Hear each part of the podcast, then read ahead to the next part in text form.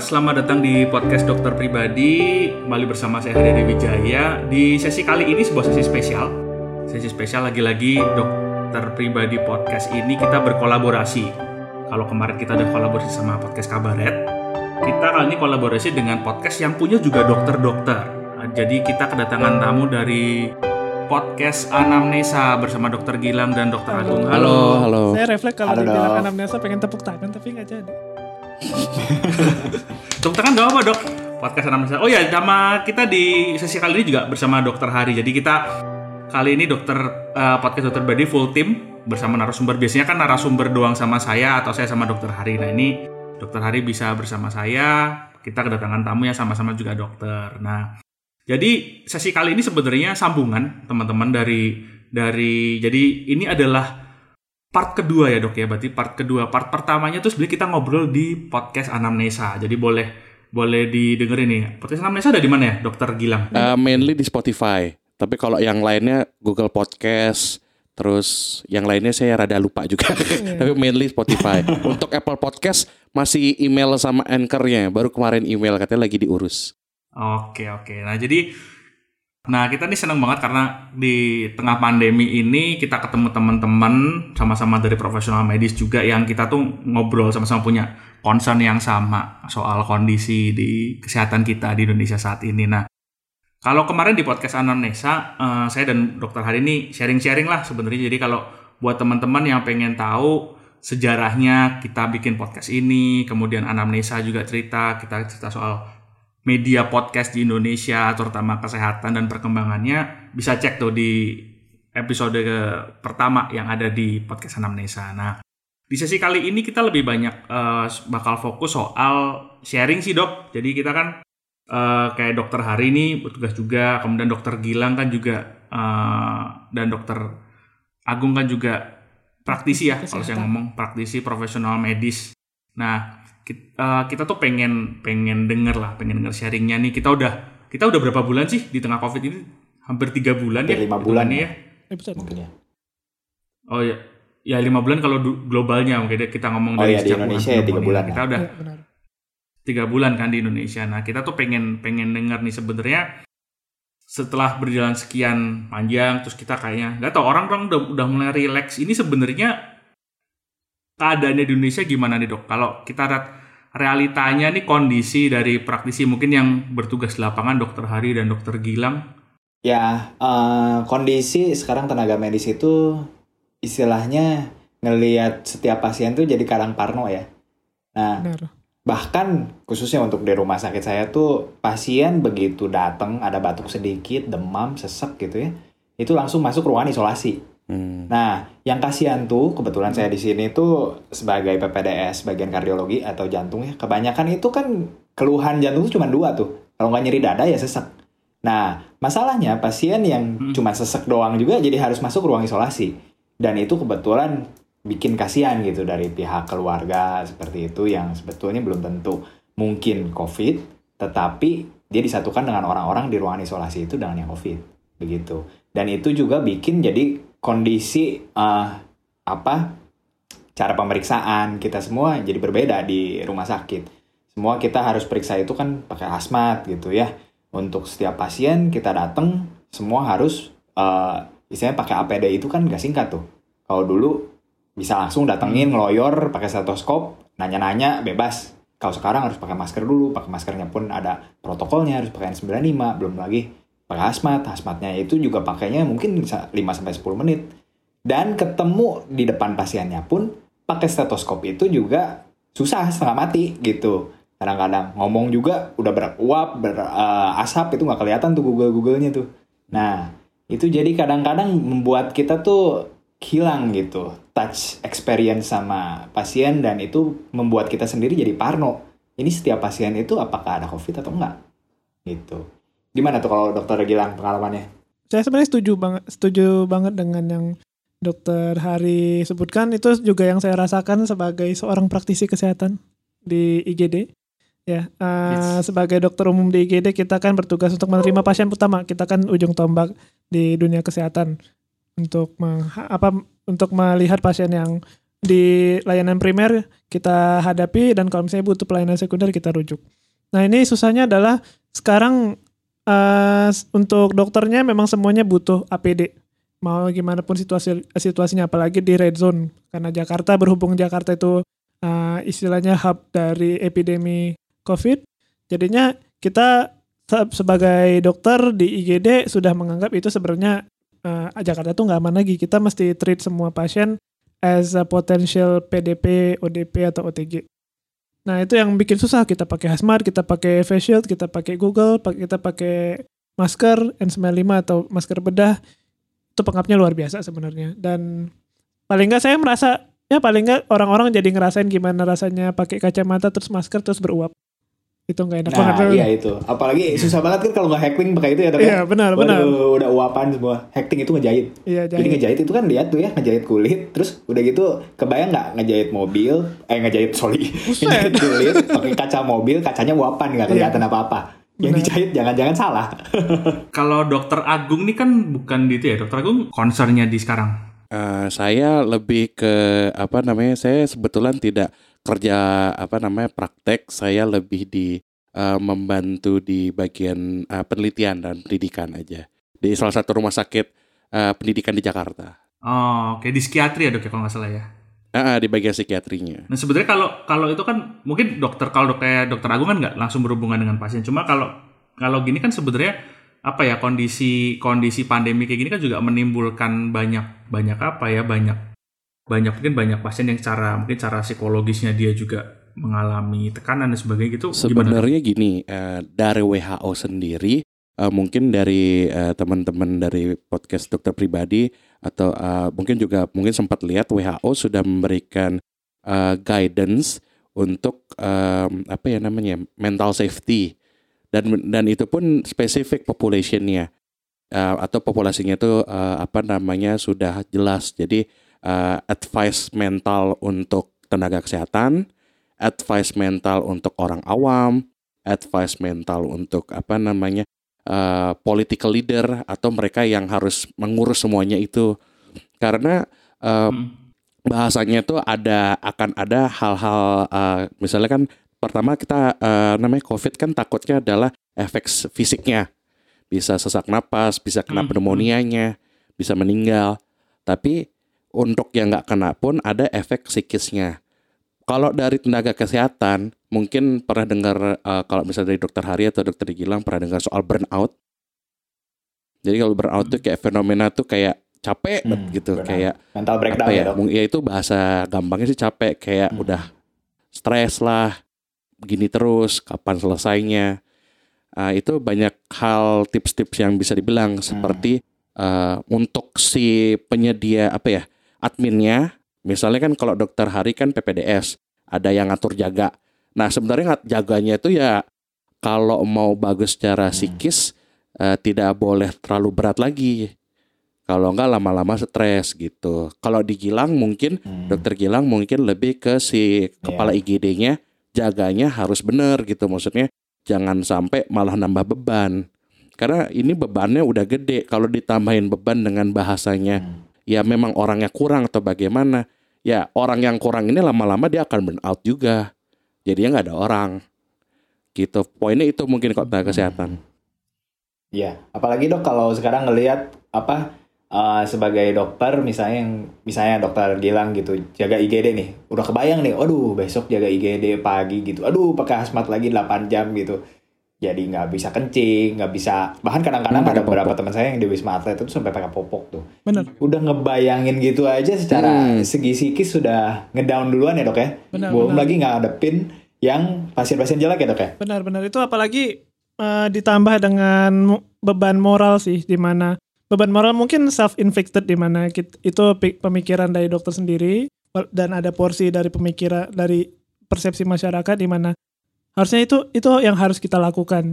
Tapi sekali lagi emang itu bukan berarti kita apa kita bol- kita mesti melakukan itu sampai kita stres banget. Dan emang terjadi di mana orang-orang misalnya eh, misalnya penggu, se- si dokter-dokter yang kerja lama yang kerja terus-terusan terus jadi sakit itu sim- apa simple itu gambaran uh, simple soal gimana stres itu mempengaruhi hidupnya bahkan mem- mempengaruhi fisiknya sampai penurunan imun sampai sakit. Apalagi kalau misalnya di wisma atlet yang tadi karena justru kondisi istilahnya ironis kondisi yang paling butuh dokter justru kondisi yang paling stressful. Ya, benar. Hmm. Nah, itu- ya betul. Apalagi kalau uh, ngelihat teman sejawat yang tadinya misalnya shift bareng gitu, jaga di IGD bareng, tiba-tiba dia di rapid positif, terus di swab positif, nah jadwal jaga dia jadi istilahnya dibagi gimana gitu ya, tambah Iya. pusing ya dok ya? Benar itu sebenarnya kejadian nyata di mana ada dokter yang di bukan dokter ada dua, ada satu dokter ada satu perawat. Yang lagi kalau perawatnya terhitung OTG, lagi perawat OK, tiba-tiba pas Hmm. minggu lalu diperiksa positif. Kita positif. Hmm. Awalnya semuanya kayak karena udah bulan-bulan segini ya, nggak apa udah udah mungkin udah biasa soal manajemen uh, APD sama udah udah benar-benar menyaring pasien untuk di OK. Tapi ketika positif semua semuanya langsung heboh. Satu apa keluarganya Hmm. juga heboh sampai bilang apa saya nginep aja kali ya di apa di mana gitu selama dua minggu. Terus ada juga teman dokter yang pas awal-awal COVID ditemukan positif dirawat Wisma Atlet sampai tiga minggu. Nah itu. Itu dari segi psikiatri juga gimana tuh dokter Agung? Kadang-kadang kan banyak teman saya juga jadi stres Hmm. sendiri ya di karantina 14 hari itu bukan hal yang mudah ya. Memang apa namanya? Kalau berarti ini bagaimana sisi mental dari pasien tersebut? Kalau dari dokter Harinanya ya. Ya maksudnya dari kalau petugas kesehatan jadi pasien gitu. Ya, kalau dari petugas kesehatan jadi pasien itu juga apa namanya? Sebenarnya kan tadi dokter Gelang udah mention efeknya pertama dan dokter Hari udah mention efeknya pertama dari pasiennya sendiri yang tiba-tiba eh, apa namanya? eh, kan kalau kita pasti kalau kita sakit nggak usah pakai covid deh. Kalau kita sakit kita jadi nggak jaga, nggak enak sama teman. Udah simpel itu aja deh.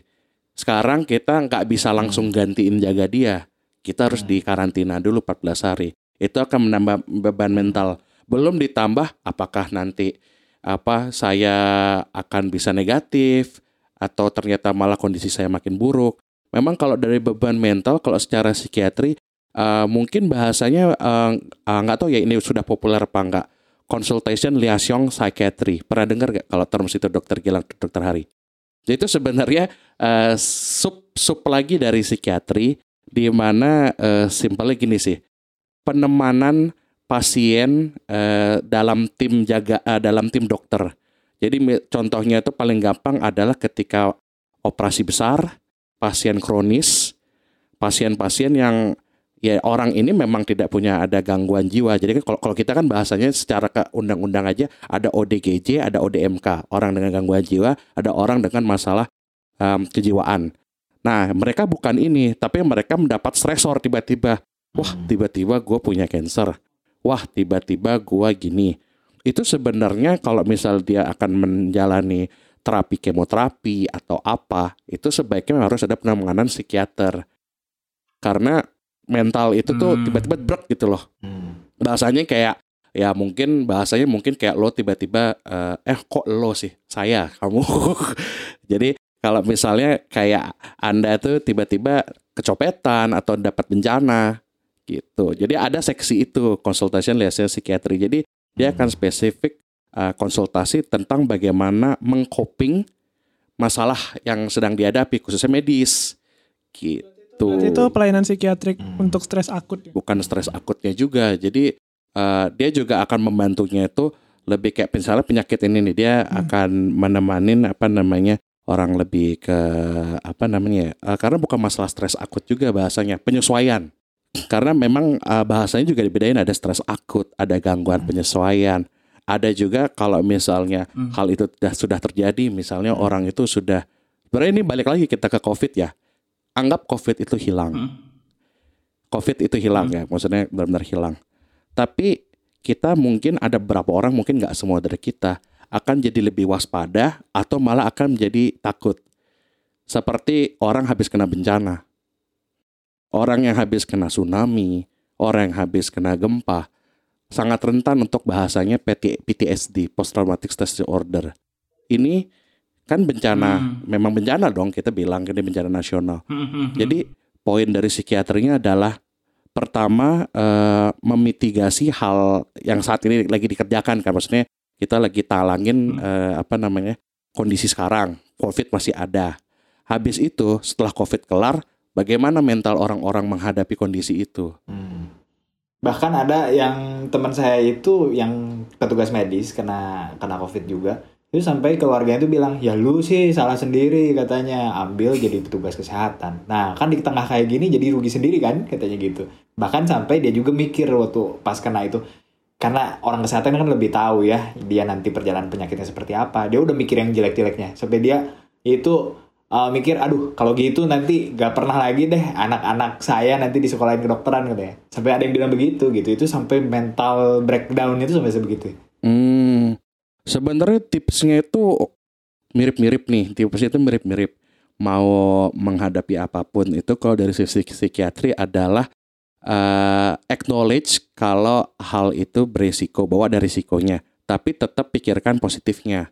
Misalnya kan kita tuh sekarang kalau dari sisi psikiatri saat mitigasi apa namanya hal ini atau saat menangani hal ini kita lagi eh, lumayan fokus untuk eh, apa namanya bahasanya itu bernamai dengan COVID, stay sane in pandemic condition atau apa namanya ya pokoknya bagaimana cara kita tetap sehat secara psikis di situasi COVID ini. Ya poinnya sebenarnya simpel, ambil positifnya. Positifnya adalah kita misalnya jadi lebih bersih. Kita ya Mm-mm. jujur aja sih dokter nggak Mm. sesering itu cuci tangan kan. Kita harus ambil poin itu, nggak boleh nggak boleh bohong Hmm. kita nggak sesering itu cuci tangan. Kita sekarang terbiasa untuk cuci tangan lebih rajin. Dokter aja akhirnya terbiasa gimana orang masyarakat gitu. Betul, betul. Kita memang akan susah untuk Hmm. ketemu langsung. Tapi dengan media ini kita bisa ketemu dengan orang banyak sekali. benar benar benar benar. Nah, ah, poinnya kayak gitu juga. Jadi ambil positifnya kalau dari poin psikiatrinya gitu. Menarik menarik sih dok karena kalau kalau ini saya pandangan dari saya dari awam ya.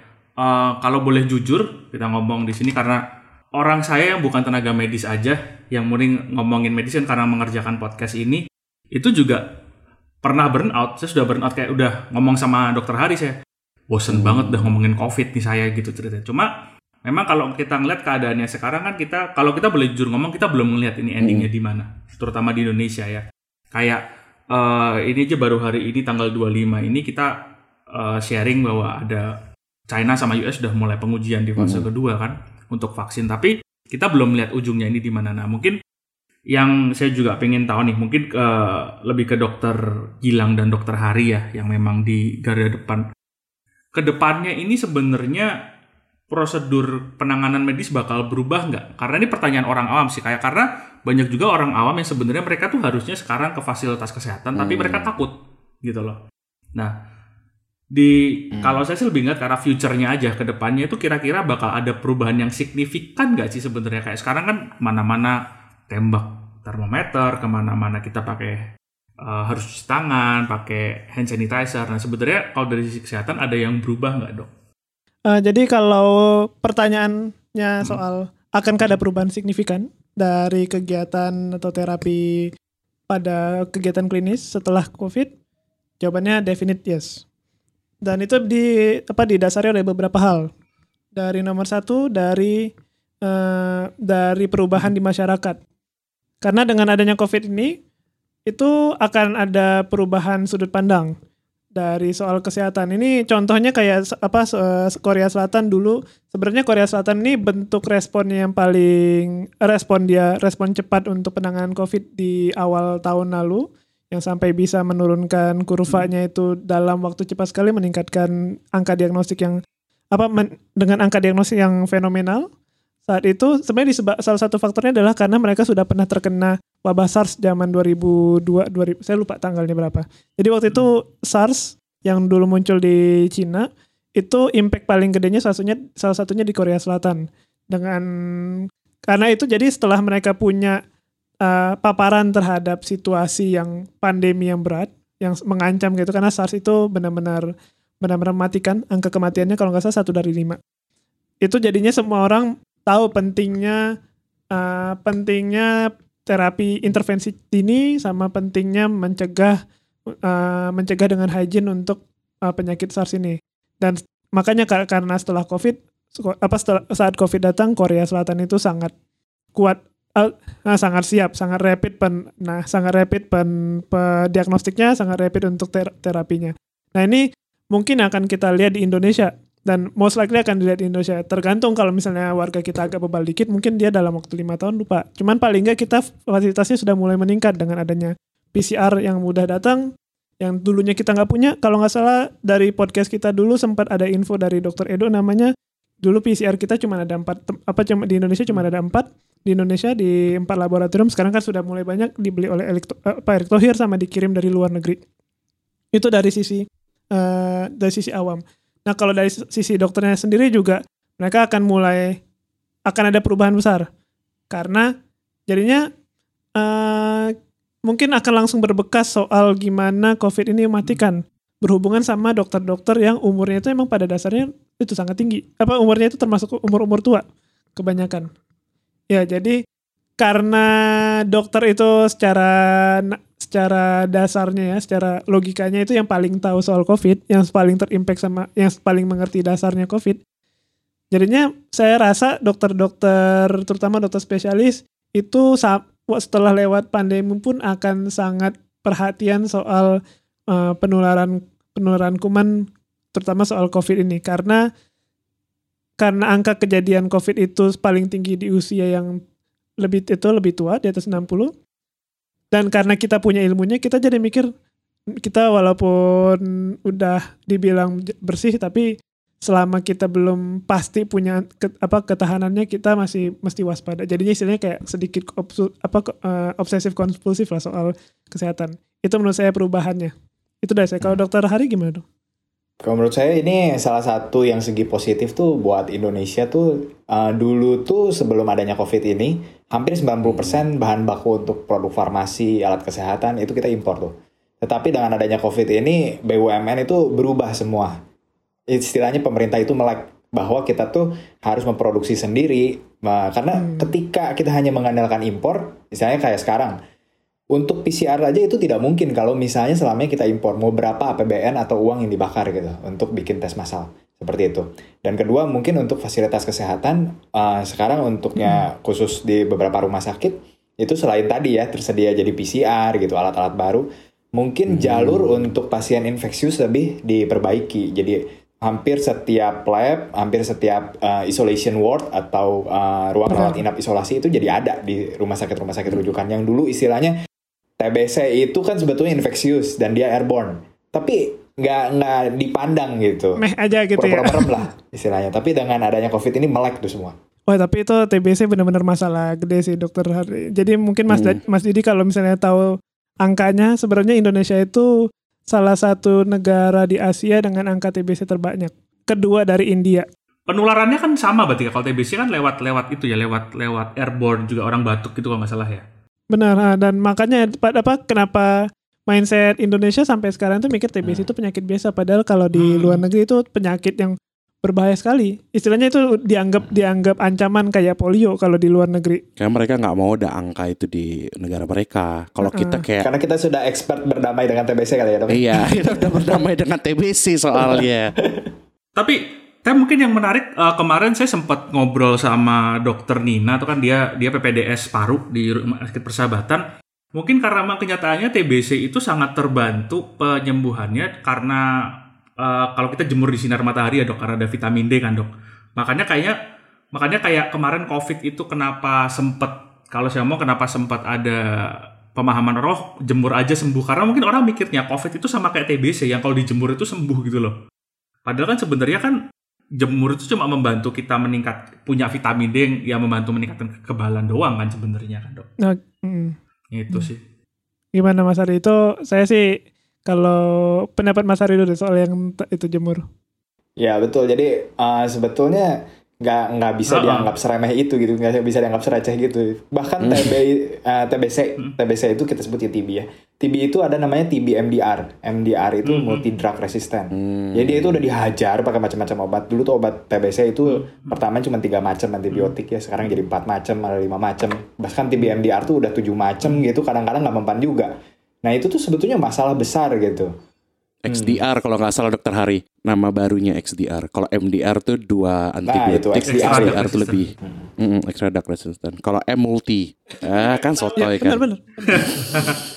Multi multi multi drug resistant. Iya iya iya iya. Cuma memang eh, mungkin kalau boleh boleh kita eh, saya simpulin ya dari obrolan kita semua ini sebenarnya kalau eh, bener omongannya Dokter Agung tadi karena kalau kita boleh jujur kalau kita mau lihat ini sebagai masalah dan kita terus terus berdia apa ya melihat melihat kondisi masalah ini terus ya kita kita bakal tenggelam di situ gitu loh. Tapi memang kayak eh, dengan kalau kita mau melihat sisi positifnya, kita melihat apa bukan cuma kondisinya sekarang tapi apa sih yang kita Indonesia ada khususnya boleh belajar dari kondisi Covid ini kan sebenarnya banyak banget karena kalau saya lihat kayak kayak ya itu karena karena Covid ini saya jadi oh ngerti soal TB gitu kan. Saya jadi ingat bayangin ini bayangan saya ya, orang awam new normalnya. Kita kan makin banyak orang yang sadar untuk cuci tangan. Makin banyak orang yang sadar untuk eh, menggunakan masker. Terus punya etika batuk. Mungkin ya dok mungkin.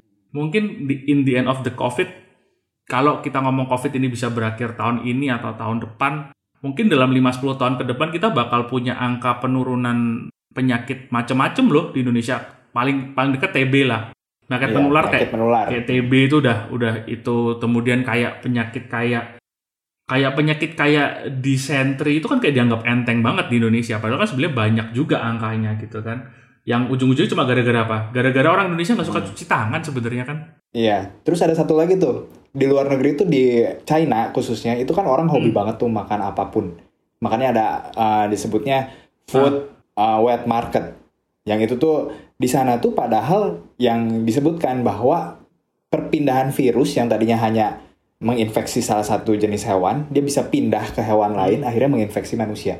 Dan dari situ timbul kesadaran sekarang food wet market di beberapa tempat itu udah ditutup tuh. Gitu. Jadi orang udah lebih dalam tanda kutip lebih normal lah makannya daging-dagingnya gitu. Nggak ada makan daging-daging yang aneh-aneh lagi tuh. itu part of the culture ya ya. Mungkin karena kalau nggak ada kejadian kayak gini ya orang mungkin juga nggak nggak nggak nggak tahu sih gitu. Memang satu sih kalau saya ngomong kalau kalau boleh jujur ngomong dari dari perbincangan kita hari ini sebenarnya memang berat. Kalau apalagi ini tadi teman-teman dari medis ini udah ceritakan beratnya penanganan di mau yang memang hands on pasien maupun dari psikiatri dari dokter Agung. Ya semoga sih lewat lewat pandemi ini kita semua nanti masyarakat juga terutama kalau harapan saya sih sebagai seorang awam kita yang sama-sama awam ini masalah kesehatan ini karena covid kita sadar bahwa ini bukan cuma tanggung jawab para profesional medis loh tapi juga tanggung jawab kita. Justru ini adalah tanggung jawab kita sebagai masyarakat untuk jaga dengan kita jaga bebannya tenaga medis ini tidak ber- tidak terlalu berat mereka benar-benar bisa konsentrasi ke saudara-saudara kita yang memang paling membutuhkan untuk penanganan medis gitu. Oke, kira-kira begitu. Terima kasih untuk Dokter Gilang, Dokter Agung dari podcast. Terima kasih Anamnesa kembali. buat sharingnya. Terima kasih, Terima kasih sudah Terima diundang kasih ya. banyak Oke. Mas Ede, Dokter Hari. Ini podcast Anamnesa nih teman-teman menarik memberikan info kesehatan tapi cara ngobrolnya fun banget, fun fun sekali. Aduh. In the fun way, dua-duanya dokter way. lagi. Nah, mungkin Tidak Dokter perlu Gilang dan Dokter itu. Agung bisa sharing kalau mungkin ada sosial media juga kalau teman-teman mau kontak-kontak ke podcast Oke, Anamnesa. kalau kita eh, apa namanya kalau mau dengarkan mainly biasanya ditemukan di Spotify. Kita kalau ketik anamnesa. Eh, kalau misalnya untuk kontak-kontak atau mau perkembangan kita aktifnya di Instagram eh, at anamnesa underscores. Kita juga baru punya Twitter di at anamnesa underscores. Eh, belum terlalu aktif, eh, cuman eh, tetap pantau aja. Eh, eh. Oke, thank you. Oh, mungkin pertanyaan terakhir dok. Pertanyaannya agak off topic. Anamnesa itu Apa? apa sih dok? Anamnesa itu apa sih? anamnesa. Anamnesa. Oh, dok sih Iya. kan nggak tahu. masa kebetulan. Anamnesa. Anamnesa, Jadi, anamnesa insider tuh jokes banget. anamnesis. Gimana ya? Iya. Anamnesis. Jadi anamnesa itu Ah. ini cerita anamnesa itu apa? Oh, namanya doang kan bukan Bukan kenapa namanya, dipilih namanya, anamnesa namanya. kan? Anamnesa itu sebenarnya Iya. bahasa lainnya anamnesis Ya. atau history taking atau ketika dokter nanyain pasien. Oh, oke. Ya, jadi itu proses apa proses penelusuran informasi pasien, proses pemeriksaan, proses pemeriksaan pasien yang di yang rangkaiannya fisik. sebenarnya Mhm. dari anamnesis dari inter- itu pembicaraan, pemeriksaan fisik atau secara objektif, terus pemeriksaan penunjang, pemeriksaan tambahan, baru diagnosis lalu terapi. Oh, Oke. Mm-mm. Terus uh, fun fact-nya itu adalah eh, kata ya kalau saya sih nganggapnya agak-agak benar ya. 70% atau 80% amnesis biasanya bisa mengarahkan Oh, diagnosisnya apa. Hmm. Gak tahu kalau dokter Hari sama dokter Gilang tuh gimana. Ya benar Coba kalau saya sih lebih setuju Psikiatri itu. cuma bisa itu doang. saya belum jadi psikiater loh pak. Iya iya Masuk iya. aja Ya, belum. mungkin mungkin menarik tuh karena karena berarti anam anamnesa anamnesis itu kan ngomong soal histori makanya buat teman-teman pendengar yang pengen tahu nih sejarahnya kita podcast dokter pribadi kemudian ada juga ternyata ada juga podcast medis lain anamnesa ini cerita-cerita serunya bukan ngomong seriusnya kayak di sesi ini bisa cek di episode kita yang ketika kita jadi tamu nih kita collab kita collab Betul. ceritanya di podcast anamnesa. Oke kira-kira begitu. Terima kasih semua untuk dokter Gilang dokter Agung. Terima kasih juga dokter Hari buat sharingnya. Kembali bertemu lagi. Terima kasih di. Oke sampai ketemu lagi di sesi berikutnya. Untuk anda yang ingin bertanya lebih lanjut mengenai topik sesi kali ini atau mengobrol dengan tim dokter di podcast dokter pribadi atau bahkan ingin menyampaikan saran mengenai topik-topik yang ingin dibahas di sesi-sesi selanjutnya, sapa kami di Instagram karena sekarang podcast dokter pribadi punya akun Instagram di @dokter.pribadi.official. Sekali lagi akun Instagram kami ada di @dokter.pribadi.official.